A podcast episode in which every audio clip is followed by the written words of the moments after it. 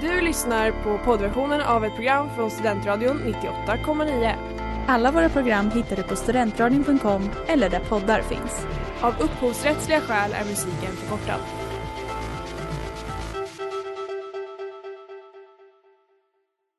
Hej och välkomna till Scenlunch med PK här på Studentradion 98,9. Och i studion idag har vi mig, Elsa Josefsson, vi har Elin Lax, Bias Heso och Mikael Eliasson. Hur mår vi alla? Har ni haft en bra jul? Ja, men jag mår bra. Det har varit en bra jul. Det var välbehövligt. Ja, äntligen lite snö. Mm. Hur, är det mycket snö i Sundsvall, Bias? Ja, gud ja. Det här är så norrut man kan komma. Nej då. Men mycket...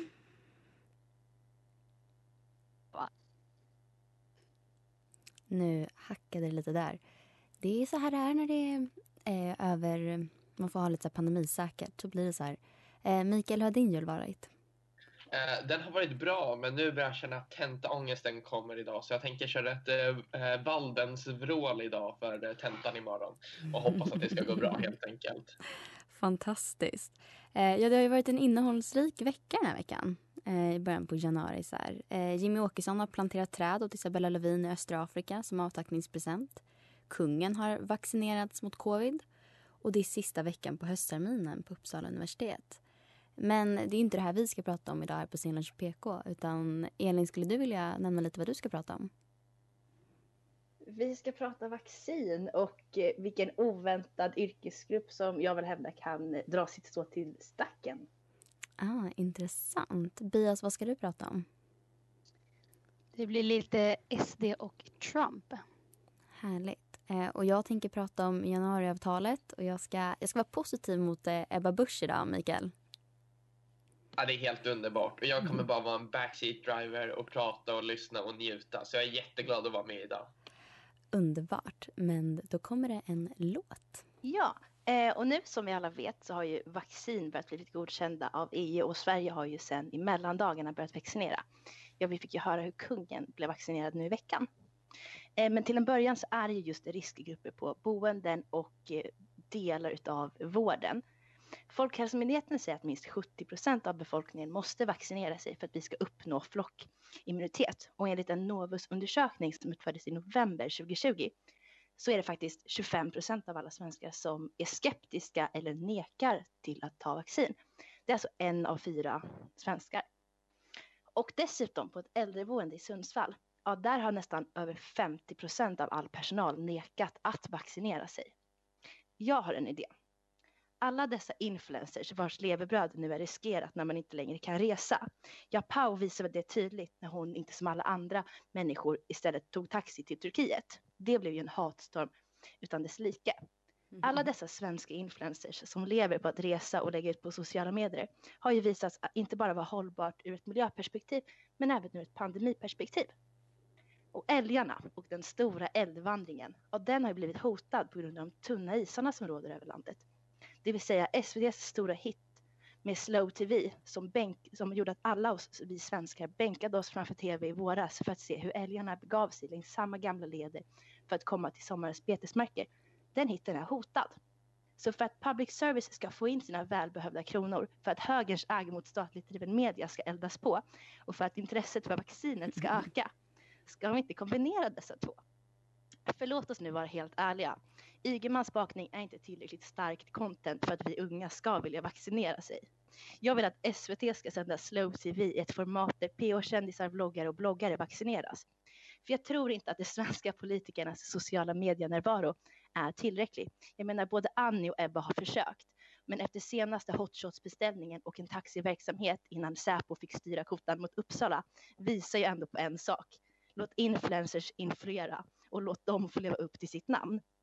Biden i USA vaccinerar sig live och ja, inte ens hans ställningstagande blev tillräckligt revolutionerande hos anti-vaxxers-rörelsen. Våra politiker har för mycket de måste tänka på att inte göra. Allt från att inte handla julklappar i gallerian till att inte köpa en reservdel till sin rakapparat. Labyrinten med att inte åstadkomma en stor politisk skandal har ju blivit allt snävare och det räcker med att man faller för konsumtionshets eller får resfeber för att man ska kunna bli uppsagd eller få semesterersättning på 300 000 kronor. Så jag menar alltså för att lätta på detta extra ansvar för våra kära politiker, för att stilla den aktiva mobben av svenskar som alla redan har bokat sin resa till Thailand, ska inte influencers få ta över ansvaret för att öka intresset för vaccin? Jag menar, jag om någon hade gärna sett Wahlgren Ingrosso-klanen vaccinera sig. Eller varför inte låta årets BH-deltagare förklara hur vaccin faktiskt fungerar innan de i direktsändning alla slow tv måste ta det. Det är influencerna som måste influera oss. Det är en yrkesgrupp som länge klagat om att de inte tas på allvar. Är det inte nu deras chans att göra någonting som på riktigt påverkar oss? Så kom igen, influencer Sverige, influera oss. Så, eh, vad tycker ni andra om vaccinet? För jag har funderat ganska mycket på det här nu. Det är verkligen det jag, liksom, det är det jag ser på alla sociala medier överallt nu. Det är liksom, ska man ta vaccinet? Ska man inte göra det? Jag tänker det Micke, du borde ju inte vara rädd för vaccinet. Du som nyligen har badat i Fyris. Nej, det är jag verkligen inte. Jag älskar vaccin. Jag, tyck, jag förstår inte.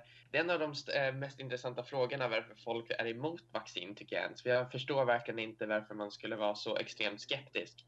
Um, och jag har följt faktiskt väldigt mycket det här och det här är ju ett mNRA-vaccin som eh, är när du skjuter in vaccinet så får du eh, vad heter det, en, liksom ett recept som din kropp ska bygga upp. Så det ska bli intressant att se liksom, eh, hur egentligen vi ser på vaccin efter det här tycker jag. Förlåt, det kanske blir lite luddigt, men jag, det är mycket tankar. Jag är super för vaccin. Jag vill helst haft igår. Jag har försökt leta upp hur många timmar i äldreomsorgen man behöver ha gjort för att kunna få det. Jag tänker jag skulle kunna absolut hoppa av utbildningen direkt för att ta ett jobb där det ingår att man är en högre grupp som kan få vaccin snabbt. Eh, nej men jag håller med mycket. Jag tycker det är helt galet med de som inte tänker ta emot vaccin. Det är så viktigt och skyddar så många. Bias, har du några ja. tankar? Då kommer er lilla galning och skeptiker här ska ni veta. För jag är nämligen, alltså jag är rädd för vaccinet. Inte för att, så här, jag, är lite, jag tänker lite så här. För mig själv och liksom min kropp och biverkningar och bieffekter så blir jag rädd. Men samtidigt så är jag självklart en som kör på laget före jaget. Så av den anledningen kommer jag vaccinera mig. Ja, du är den goda samhällsmedborgaren. Det är ändå skönt att höra. Nej, men alltså jag kan förstå varför man ändå är lite skeptisk. Men sen tänker jag också att man, alltså det finns så mycket annat. Jag menar, bada i Fyris, vad får du i dig då liksom? Så att, jag skrattar. Men så att jag förstår det. Och, men jag är mest spruträdd, så det är väl det som gör att jag blir lite avig. Men nej, jag får väl höra av mig till psykologstudenterna så får de KBT mig eller någonting, jag vet inte. Men vaccinet ska jag ta. Ja, men det känns som att eh, narkolepsin i, som eh, vissa fick av eh, svininfluensavaccinet. svininfluensanvaccinet, det är väl det lite som har... Eller det känns som att svenskar... An, tidigare har det varit det här vaccinmotståndet har ju typ kretsat kring att man är rädd för typ att få autism, vilket var typ en läkare någon gång som claimade att man fick av mässlingvaccinet, va? Och, men det har liksom motbevisats hur många gånger som helst. Men att det är det folk har varit rädda för. Men det känns ju som att det är narkolepsin från svininfluensanvaccinet man är rädd för nu. Eller vad skulle ni säga att det är vaccinmotståndet vad ska man säga, bottnar i? Typ? Eh, ja, det tror jag definitivt. Men man måste komma ihåg att det var 500 personer av över 6 miljoner svenskar som fick det. Så det är en extremt liten procent. Och det är alltid det som det kommer vara när det är ett vaccin. Man väger för och nackdelar med att eh, ja, om vi vaccinerar oss så kommer vissa få biverkningar men resterande samhället kan öppna upp igen. Så det finns ingen alternativ. Man måste ta vaccinet, man måste tänka på samhället. Ja, och jag menar nu har jag följt ändå äh, ganska mycket så här, via SVT och det de har producerat och de har gjort en lång intervjuserie med folk som faktiskt fick narkolepsi av svininfluensan, vaccinet i Sverige och de, alltså de om några är väldigt aktiva och högljudda i debatten om att man faktiskt ska ta vaccin. Och de litar jag ändå på, jag tycker de har någon auktoritet. Bias, har du några avslutande ord? Ja, jag tror att många kan vara rädda för um, att det har gått väldigt snabbt också. Men där är det ju viktigt att veta att när det läggs mycket resurser så kommer det gå snabbt och det betyder inte att det är mindre bra. Så det blir mina avslutande ord. Hörrni, i måndags var det ju tvåårsdag och på kalaset var Lites födelse inte Jimmy, Ulf, Ebba eller Nooshi bjudna. Eh, hur har er inställning till januariavtalet varit? Eh, jag kan börja helt enkelt. Eh, januariavtalet, jag tycker inte om det, men samt, jag vill ha en konservativ regering. Men egentligen så, vad är alternativet? Det fanns inget alternativ annars. Eh, så jag tycker egentligen, även fast jag har mycket kritik mot januariavtalet, så jag tror jag att det är det bästa vi kan, kunde göra helt enkelt i Sverige för att ens få en regering och sluta regeringskrisen. Så lite neutral är jag till den helt enkelt. Härligt. Elin? Hur känner du? Nej, men jag, jag känner väl lite samma. Jag menar, jag fick ju faktiskt inte rösta i det här valet. Jag är ju så, jag är så ung i det här sammanhanget. Så det här är verkligen någonting som eh, bara är lite i periferin i mitt eh, politiska medvetande eller vad man ska säga. Bias, vad är din inställning? Men jag tror nog att jag instämmer. Eh, det var nog det bästa man kunde få ut av det. Yes. Och jag tänker att vi ska höra lite vad Jimmy, Ebba och Ulf har känt under de här två gångna åren kring avtalet. Det är svårt att styra ett land med en januariöverenskommelse i det här fallet då som i första hand handlar om att hålla ett parti ute, inte om att vara överens kring eh, vilken riktning man vill föra Sverige i. Å ena sidan låst fast svensk politik i eh, ett nytt blocklandskap kan man säga, eh, å ena sidan, vilket vi har sett eh, har cementerats snarare under det år som har gått än, än luckrats upp. Ehm, eh, men det har ju också gjort att Socialdemokraterna har fått ehm, en hel del stryk under det här året och har fått göra saker som eh, Centern och Liberalerna inte ens lyckades få igenom med en moderatledd regering. I SVTs mätning hade 11 procent av svenska folket respekt för januariöverenskommelsen. Allt fler ställer sig nu frågan, har överhuvudtaget någonting blivit bättre? Ja, och där hörde vi kanske liksom inte superpositiva röster kring januariavtalet. Eh, och för de partierna som är med i januariavtalet, eh, Liberalerna, Centerpartiet, Miljöpartiet, Socialdemokraterna, så känns det lite som att januariavtalet är lite som dopp i grytan på julbordet.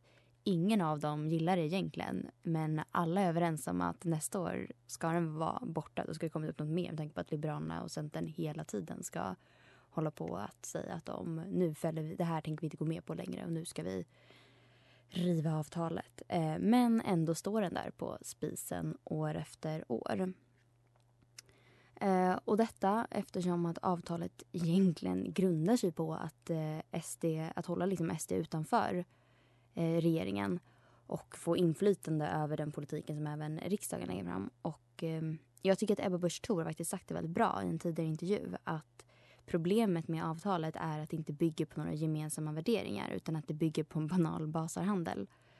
Eh, och oavsett om man är för eller emot avtalet så måste man kunna se att det är ett stort problem att just partierna saknar någon värdegrund som de alla står på. Eh, och det saknar liksom en gemensam syn på staten och samhället och hur det ska styras. Och detta har man väl under de här två åren speciellt sett i skattepolitiken. Där det verkligen blir en hackig politik där partierna lyckas få igenom punktinsatser istället för att man har liksom en politisk linje i skattepolitiken.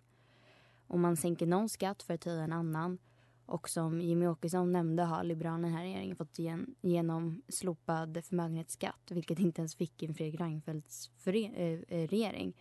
Men samtidigt har ju liksom Socialdemokraterna fått igenom andra skattereformer som inte Liberalerna är för. Eh, och tycker ni, hur tycker ni? Tycker ni att den här problematiken är överdriven eller finns det någonting viktigt som man ändå tar upp här? Jag tycker det är en sjukt stor problematik med att vi har socialdemokrater som gör en socialdemokratisk regering som kanske har den mest liberala politiken någonsin i svensk politisk historia.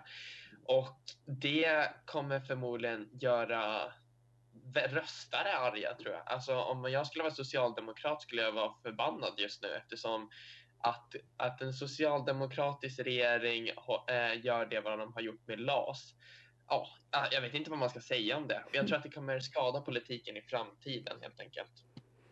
Vad tror du, Elin?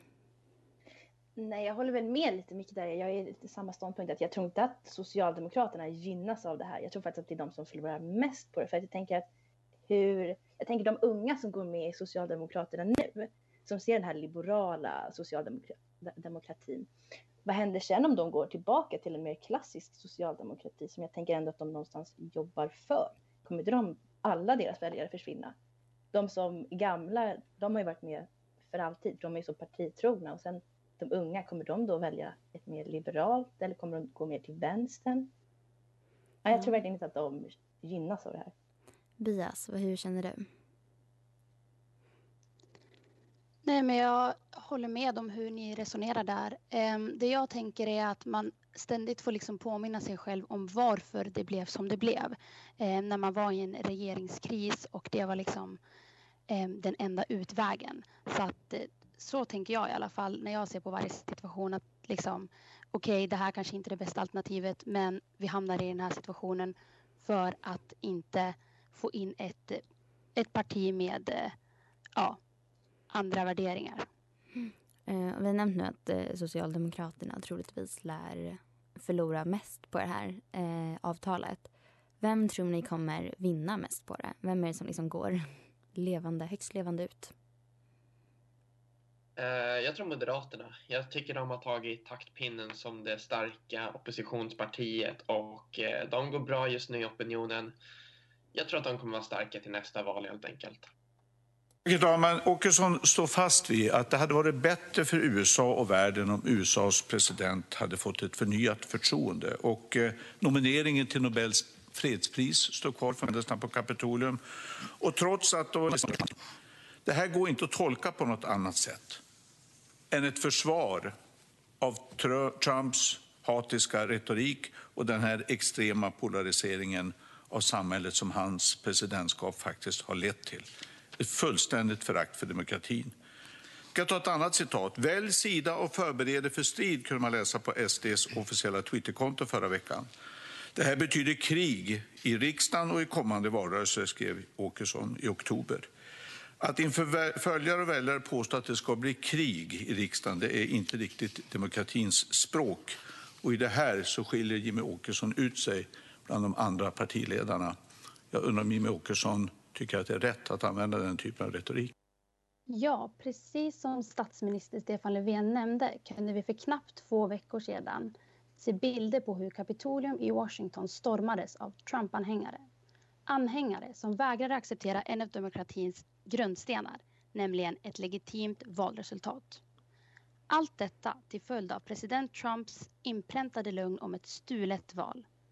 Att det kan gå så här långt i ett land som symboliskt nog står för demokrati och frihet visar just på att demokrati inte är solid. För precis som i USA, ett av världens starkaste demokratier, kan även Sverige skadas av populism, polarisering och extremism. Därför undrar jag eh, vad ni har för tankar kring statsministerns uttalande. Kan man spå växande populistiska drag i SDs politik utifrån Jimmy Åkessons ställning till Trump samt hans retorik till oss? Vad tänker ni? Micke, vill du börja? Jag kan börja. Eh, jag tycker att jämföra Donald Trump som har de här stora rallies och människor som verkligen avgudar honom och Sverigedemokraterna och Jimmy Åkesson. Jag kan förstå det, men jag tror inte att det kanske också är den rätta vägen att gå med att ha att eh, Sverigedemokrater ska gå in i riksdagen. Ehm, jag tror att det är lite långdraget, jag förstår det, men ja, lite skeptisk till det faktiskt. Alltså jag tycker det är ganska, jag tycker det är lite läskigt det här med det här med SD, hur man, hur Jimmy också det här uttalandet, hur det känns som att de så fort de så fort det kommer upp någonting där typ nästan hela Sverige har en syn på det. För jag tror att liksom, oavsett var man står politiskt i Sverige så tycker man liksom att det är helt galet med den här stormningen av Kapitolium. Och hur SD liksom alltid måste, liksom nästan så tvångstankeaktigt måste välja den andra sidan. Att jag tror verkligen inte att det är i majoriteten av SD-väljarna som tycker att det var rätt att storma Kapitolium. Men på något sätt blir det ja, men som någon sån mundiarré, att de bara måste säga tvärtom från alla andra. Elin, vad tycker du? Eh, nej, men samtidigt så var det ju alltså, jag såg DN, de hade ju publicerat, det var ju en svensk, det var ju en Skellefteå-halsduk på bilderna. Så att någon Sverigekoppling finns det väl, eller om det är vi lilla Sverige som gärna vill hävda oss. Vi ska ju alltid göra en Sverigekoppling till allt, även om det är astronauter eller det här är Kapitolium. Så att det finns väl några, hur många de är, så finns det ändå några svenskar som sympatiserar med det Trump säger och det han gör. Så att, men hur det påverkar Sverigedemokraterna är väl svårt att säga, men det kan ju göra anledning till att de går, en, går mer åt höger och populismen. Men sen tror kanske inte jag heller, som Micke säger, att de kommer störta, de kommer springa på Mynttorget och störta Löfvens regering. Nej, det tror jag inte. Ja, Elin, jag tycker det är lite roligt att du tar upp den här Skellefteåhalsduken. För där har ju tydligen Skellefteå kommun gått ut med att det här var någon present som alla de som har flyttat ifrån Skellefteå har fått en sån här halsduk typ under något år. Så det finns typ bara 700 exemplar eller någonting. Så det är inte, det är inte vilken halsduk som helst som ligger kvar där i Kapitolium. Nej men det är ju inte det och jag tycker att det är så himla talande att i den här grävande journalistiken som Dagens Nyheter har gjort så har de skrivit att DN har sökt FBI utan resultat.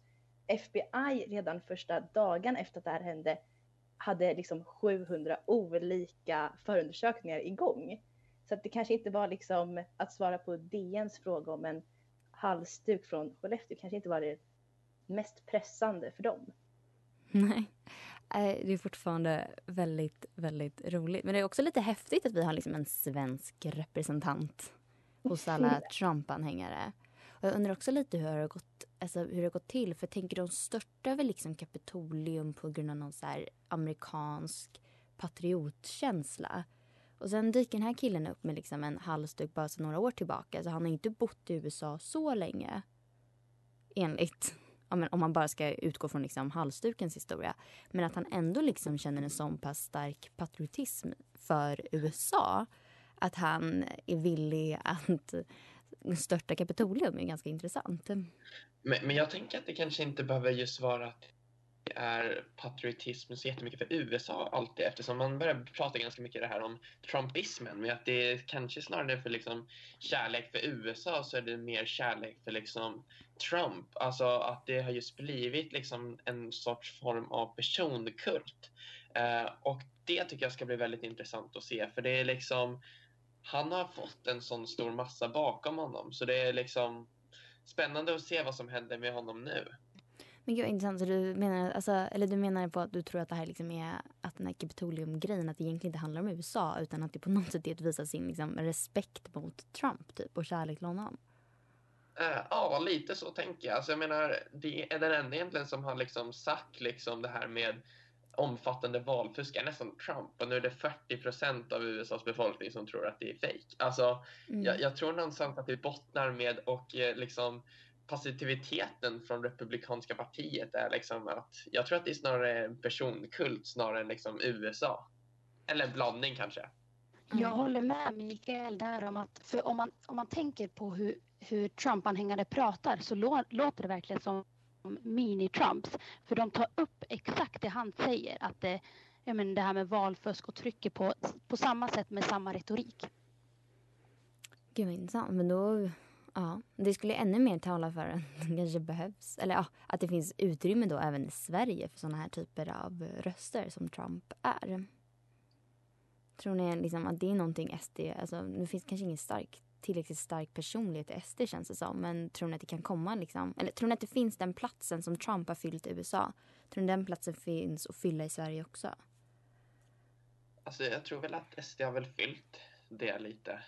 Um, och jag vet inte, det kanske behövs någon efterträdare i så fall som liknar Trump på det sättet. Men det är svårt att säga för det är bara spekulationer. Uh, jag vet inte riktigt. Elin, vad tycker du? Nej, men det är många som tror att Trump försöker bygga upp någon ny Kennedy-klan.